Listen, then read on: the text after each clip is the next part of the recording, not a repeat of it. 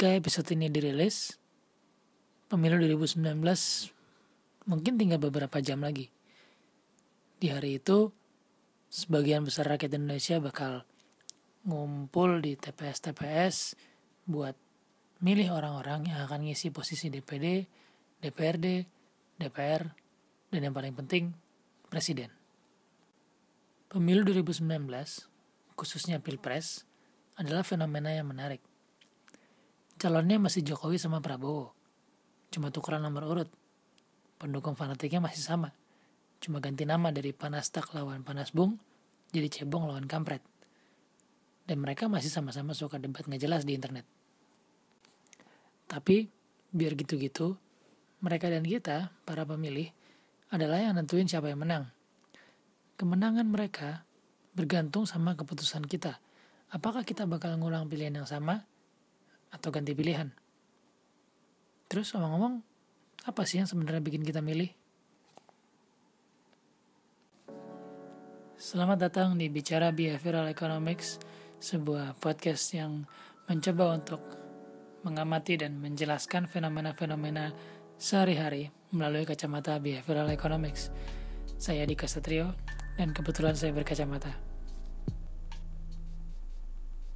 Dilihat dari sudut pandang ilmu psikologi, ada dua cabang pemikiran atau mazhab yang digunakan untuk menjelaskan perilaku memilih, alias voting behavior. Kalau dilihat voting behavior ini ada dua apa namanya sumbu mazhab penjelasannya.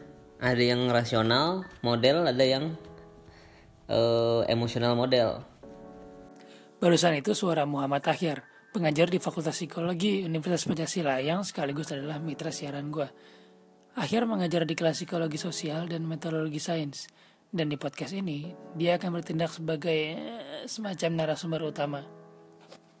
Tapi kalau misal karena ini dia behavior, maka pasti orang uh, orang-orang akan yang apa ya psikologi yang agak ortodoks pasti akan menjelaskannya menggunakan uh, eh, TPB (Theory of Plant Behavior).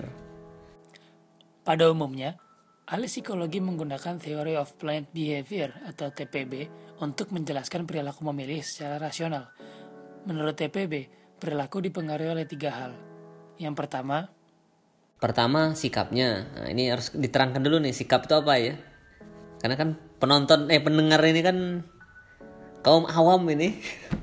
Dalam konteks ini, Pengertian sikap yang kita gunakan bukan yang ada di KBBI, yang artinya adalah perilaku. Di sini, sikap adalah hasil evaluasi. Sikap dia terhadap perilaku memilih itu gimana? Apakah evaluasinya gimana? Apakah positif, apakah negatif? Kalau evaluasinya positif, maka dia akan milih. Kalau dia negatif, maka dia tidak akan milih. Nah, dalam pemilihan presiden tahun ini, ada tiga jalur yang mungkin dipilih bangsa Indonesia – yaitu milih Jokowi, milih Prabowo, atau memilih untuk tidak memilih. Kalau walaupun sebenarnya kalau misalnya di di apa namanya kita spesifikin memilih nggak milih itu kan banyak kan, banyak cabang-cabangnya gitu. Bisa milih dua-duanya, bisa nggak datang ke TPS. Kita sederhanain aja jadi tiga deh. Tentu kalau misalnya dari perspektif TPB itu nggak bisa digabung misalnya gini. Kita nggak bisa bilang kalau misalnya evaluasi dia terhadap Prabowo itu positif gitu. Maka evaluasi dia terhadap Jokowi pasti negatif. Belum tentu. Bisa aja evaluasi dia terhadap Prabowo itu kita anggap ini evaluasi dia adalah 0 sampai 10 ya. Maka kalau misalnya dia sama Prabowo misalnya 6 bukan berarti sama Jokowi misalnya jadi 0 enggak. Bisa aja 4 gitu. Bisa aja 6 juga sama-sama 6 gitu. Itu kalau positif. Kalau misalnya negatif bisa juga gitu kan jadi ke Prabowo dia minus misalnya negatif, ke Jokowi juga minus. Sementara mau eh, sikap dia atau evaluasi dia terhadap perilaku tidak memilih justru positif gitu. Maka orang ini akan punya kecenderungan untuk memilih untuk tidak memilih. Hal berikutnya yang bisa mempengaruhi perilaku menurut TPB adalah norma sosial, subjektif normnya. Dia nganggap uh, orang-orang yang signifikan buat dia itu maunya dia milih apa sih gitu. Kita semua punya orang-orang yang kita anggap penting dalam hidup atau istilahnya significant others. Sebagai orang-orang yang penting, tentu apa yang mereka pikirkan punya pengaruh yang besar terhadap pola pikir kita, seenggaknya dibandingkan dengan orang-orang yang kita terlalu penting. Nah itu membentuk satu norma tekanan sosial, social pressure buat dia. Kalau misalnya tekanan itu pen, menurut dia penting banget, maka itu juga bisa bikin orang memilih tertentu, memilih untuk misalnya Jokowi kah, memilih untuk Prabowo kah, atau malah memilih untuk tidak memilih. Gitu. Tapi ini bukan berarti kalau ada norma dan tekanan, maka perilaku kita akan terpengaruh.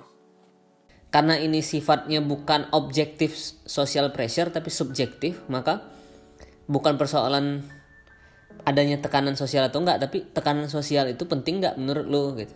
Kalau menurut lo nggak penting, ya nggak relevan gitu. Terakhir, perilaku memilih juga bisa dipengaruhi sama self efficacy gitu kan. Nah, itu yang ketiga atau faktor yang ketiga.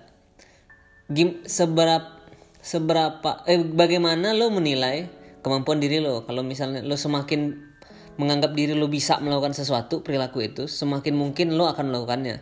Semakin lo menganggap kemampuan lo nggak ada untuk melakukan itu, maka lo nggak akan melakukannya. Misalnya kalau dalam kasus uh, voting dia atau memilih agak susah sih kecuali misalnya TPS-nya misalnya di seberang sungai itu su sungainya itu penuh dengan buaya gitu kan. Ya, itu juga dengan asumsi buayanya hidup semua. Tapi intinya adalah kalau kita merasa perilaku itu sulit buat dilakuin atau punya konsekuensi negatif terhadap kita, kita akan cenderung untuk nggak ngelakuinnya. Sebaliknya, semakin gampang akan semakin mungkin kita lakuin. Contohnya, dalam konteks pemilu di Indonesia adalah situasi yang dialami pemilih ketika Orde Baru. Orde Baru dulu gitu kan orang mau golput juga lu bisa disatroni petugas lo. Dengan ancaman pemecatan bagi PNS dan ancaman DO dan gane kelas buat pelajar dan mahasiswa, pasti saat itu orang-orang punya self efficacy yang rendah untuk milih selain Golkar, baik itu milih partai lain atau untuk golput. Yang mungkin itu lebih sesuai dengan hati nurani mereka. Tadi kita sudah mendapatkan penjelasan tentang perilaku memilih dari mazhab rasional. Sekarang gimana dengan mazhab yang satunya lagi, emosional? Untuk itu, kita perlu kembali ke pilihan-pilihan yang tersedia buat rakyat Indonesia 17 April nanti. Jokowi, Prabowo, atau enggak dua-duanya. Perlu diingat, pilihan ini sama kayak yang kita punya lima tahun yang lalu. Artinya, kita bisa milih buat ngulang pilihan kita atau ganti. Pertanyaan pertama, kenapa kita ngulang pilihan yang sama? Kecenderungan untuk mempertahankan apa yang ada. Atau dalam bahasa ilmiahnya, status quo bias, alias mengulang lagi keputusan yang pernah diambil untuk mempertahankan situasi saat ini. Status quo bias bisa terjadi karena situasi yang ada saat ini dianggap udah cukup baik. Ketika kita nggak tahu apakah sebuah perubahan perilaku bisa mengubah situasi ke arah yang positif, buat apa berubah? Jangan-jangan nanti kita cuma dapat capek. Ada banyak faktor yang bikin kita menyukai status quo. Salah satunya adalah inersia, atau kecenderungan untuk nggak berinisiatif karena kurangnya insentif. Misalnya gini, setiap pulang kantor, kita selalu lewat jalan yang sama. Kita tahu ada jalan lain, tapi kita nggak tahu kalau lewat sana itu bakal bikin kita lebih cepat, lebih lama, atau sama aja. Nah, daripada nebak-nebak, mending kita pakai jalan yang selama ini kita pakai aman dong. Nah, kondisi aman ini nggak nggak ngasih kita cukup motivasi untuk berinisiatif untuk nyari jalan-jalan alternatif atau bikin perilaku baru. Dalam konteks pemilu, status quo bias bisa terjadi dalam bentuk memilih kembali calon-calon yang kita pilih di periode sebelumnya. Kalau di 2014 kita milih Jokowi, 2019 milih Jokowi lagi. Sebaliknya, kalau di 2014 milih Prabowo, 2019 milih Prabowo juga. Masalahnya, kalau 100% populasi pemilih semua kena status quo bias, maka petahana pasti akan selalu menang. Masalahnya, dalam sejarah pemilu kita, petahana juga pernah kalah, yaitu Megawati. Megawati kan kalah tuh. Uh, lawan lawannya adalah mantan menterinya. Ya, Megawati kalah dari mantan menterinya SBY yang waktu itu dapat lebih dari 60% suara di pemilu 2004. Tapi perlu diingat, situasi saat itu beda sama sekarang. Tetapi yang harus yang dicermati adalah Megawati tidak pernah punya pengalaman dipilih langsung oleh rakyat. Nah, itu dia. Iya, jadi nuansanya waktu itu dia bukan kayak incumbent gitu. Jadi di pemilu 2004 kita nggak bisa bilang kalau masyarakat Indonesia punya status quo bias atau enggak. Karena secara teknis mereka kan juga nggak bisa ngulang buat milih Megawati. Kondisi ini beda sama 2009. Ketika itu, SBY menang pemilu sebagai petahana dan dengan perolehan suara yang gak jauh beda dari 2004. Nah, berdasarkan logika berpikir kita dari tadi, kita bisa bilang bahwa SBY berhasil menciptakan status quo pada masyarakat Indonesia selama dia menjabat. Nah, kembali ke pemilu 2019. Pertanyaannya sekarang, apakah Jokowi berhasil memastikan 53% rakyat Indonesia yang milih dia 5 tahun lalu untuk milih lagi, untuk ngulang pilihan mereka? Sejauh ini sih kayaknya dia berhasil karena sebagian besar survei yang ada di media menunjukkan bahwa perolehan suara atau elektabilitas Jokowi saat ini ada di sekitar angka itu. Kalau kita bisa 100% percaya sama semua survei ini, artinya periode kedua Presiden Jokowi udah tinggal nunggu waktu. Kalau status quo bias itu adalah orang cenderung positif penilaian terhadap apa yang telah terjadi dan ingin mempertahankannya kan. Nah, tapi ada kondisi-kondisi ketika orang nggak mau mempertahankannya yang kondisi yang sekarang ada. Kenapa tuh? Itu bisa dijelaskan dengan loss aversion. Loss aversion adalah kecenderungan kita untuk menghindari perubahan negatif atau kerugian daripada mengejar perubahan positif atau keuntungan. Artinya, kehilangan 100 punya efek psikologis yang lebih besar daripada mendapat 100. Atau gampangnya, Lebih baik dia pulang modal daripada rugi gitu kan. menurut sebuah penelitian yang dilakukan oleh Amos Tversky dan Daniel Kahneman, beban yang dibawa sama kondisi rugi kira-kira senilai dua kali lipat dari kondisi untung. Artinya, ini membuat kita bahkan cenderung lebih milih untuk kehilangan kesempatan mendapatkan 100 daripada pasti rugi 50. Lu mau untung 100 ribu tapi ruginya 50 ribu. Nah, orang lebih orang nggak mau ngambil itu gitu. Orang nggak mau ngambil tawaran itu gitu kan.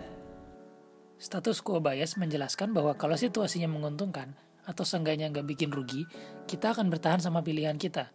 Nah, sebaliknya, ketika kita ada dalam kondisi yang udah rugi, kita cenderung untuk lebih berani dalam mengambil resiko. Orang kalau dalam kondisi loss, kondisi rugi, orang akan punya kecenderungan untuk mengambil risiko lebih lebih tinggi. Dalam konteks pemilu, ini artinya kita lebih mau buat ngambil keputusan yang beda. Bagi orang yang milih Jokowi tahun 2014, tahun ini dia akan milih Prabowo. Begitu juga sebaliknya, yang lima tahun milih Prabowo, mungkin dia akan milih Jokowi. Meskipun, seperti yang udah disebut sebelumnya, sebagian besar survei yang rilis ketika podcast ini direkam banyak menangin Jokowi, ada satu survei yang menarik. Menurut Litbang Kompas, pada survei yang diadain 22 Februari sampai 5 Maret 2019, elektabilitas Jokowi ada di angka 49,2 persen. Orang-orang ini lah ya orang-orang political marketing lah ya. Pasti mereka punya data yang banyak juga kalau yang namanya petahana incumbent itu harusnya sel selalunya tingkat keterpilihan di atas 50% kan. Oke, katakanlah survei Kompas adalah normanya, yang artinya tren yang terjadi sebenarnya adalah elektabilitas Jokowi turun jauh sampai di bawah 50%. Apa artinya? Orang lebih risk taking kan ketika dia loss. Nah, Nah, kondisinya itu status quo sekarang itu kan Jokowi itu, kan? Tapi dia kalau udah dia udah loss gitu, tai lah nih Jokowi gitu kan. ya mending gue milih Mending Prabowo. walaupun belum tentu untung, Ya, tapi bodoh aman ah gitu kan. Nah, itu karena kalau dia milih Jokowi pun dia udah tahu gitu kan kalau pasti akan loss ya, gitu. Lossnya udah tahu dia, tapi bisa aja lossnya milih Prabowo lebih tinggi loh. Ya, meskipun dia juga nggak tahu. Nggak gitu. tahu. Nah itu yang dia lakukan sekarang. Oke, oke. Masyarakat Indonesia sedang mengalami itu. Hmm. Gimana Joy? Udah cocok belum gua jadi pengamat politik? Jadi, apa sih yang udah kita pelajari di episode ini? Kita udah tahu bahwa ada beberapa penjelasan kenapa kita milih atau kenapa kita nggak milih. Kita juga belajar bahwa perilaku milih itu nggak selamanya rasional. Artinya, keputusan kita untuk milih siapa itu ternyata nggak sepenuhnya ada di bawah kendali kita. Kita bisa misalnya milih Jokowi karena nggak ada motivasi yang cukup untuk ganti pilihan. Bukan karena memang kerja Jokowi bagus selama ini. Sebaliknya, kita juga bisa milih Prabowo karena kita cenderung lebih berani untuk ambil risiko ketika dalam kondisi rugi. Bukan karena emang Prabowo adalah pengganti yang lebih baik. Terus, siapa yang menang? Ya tunggu aja.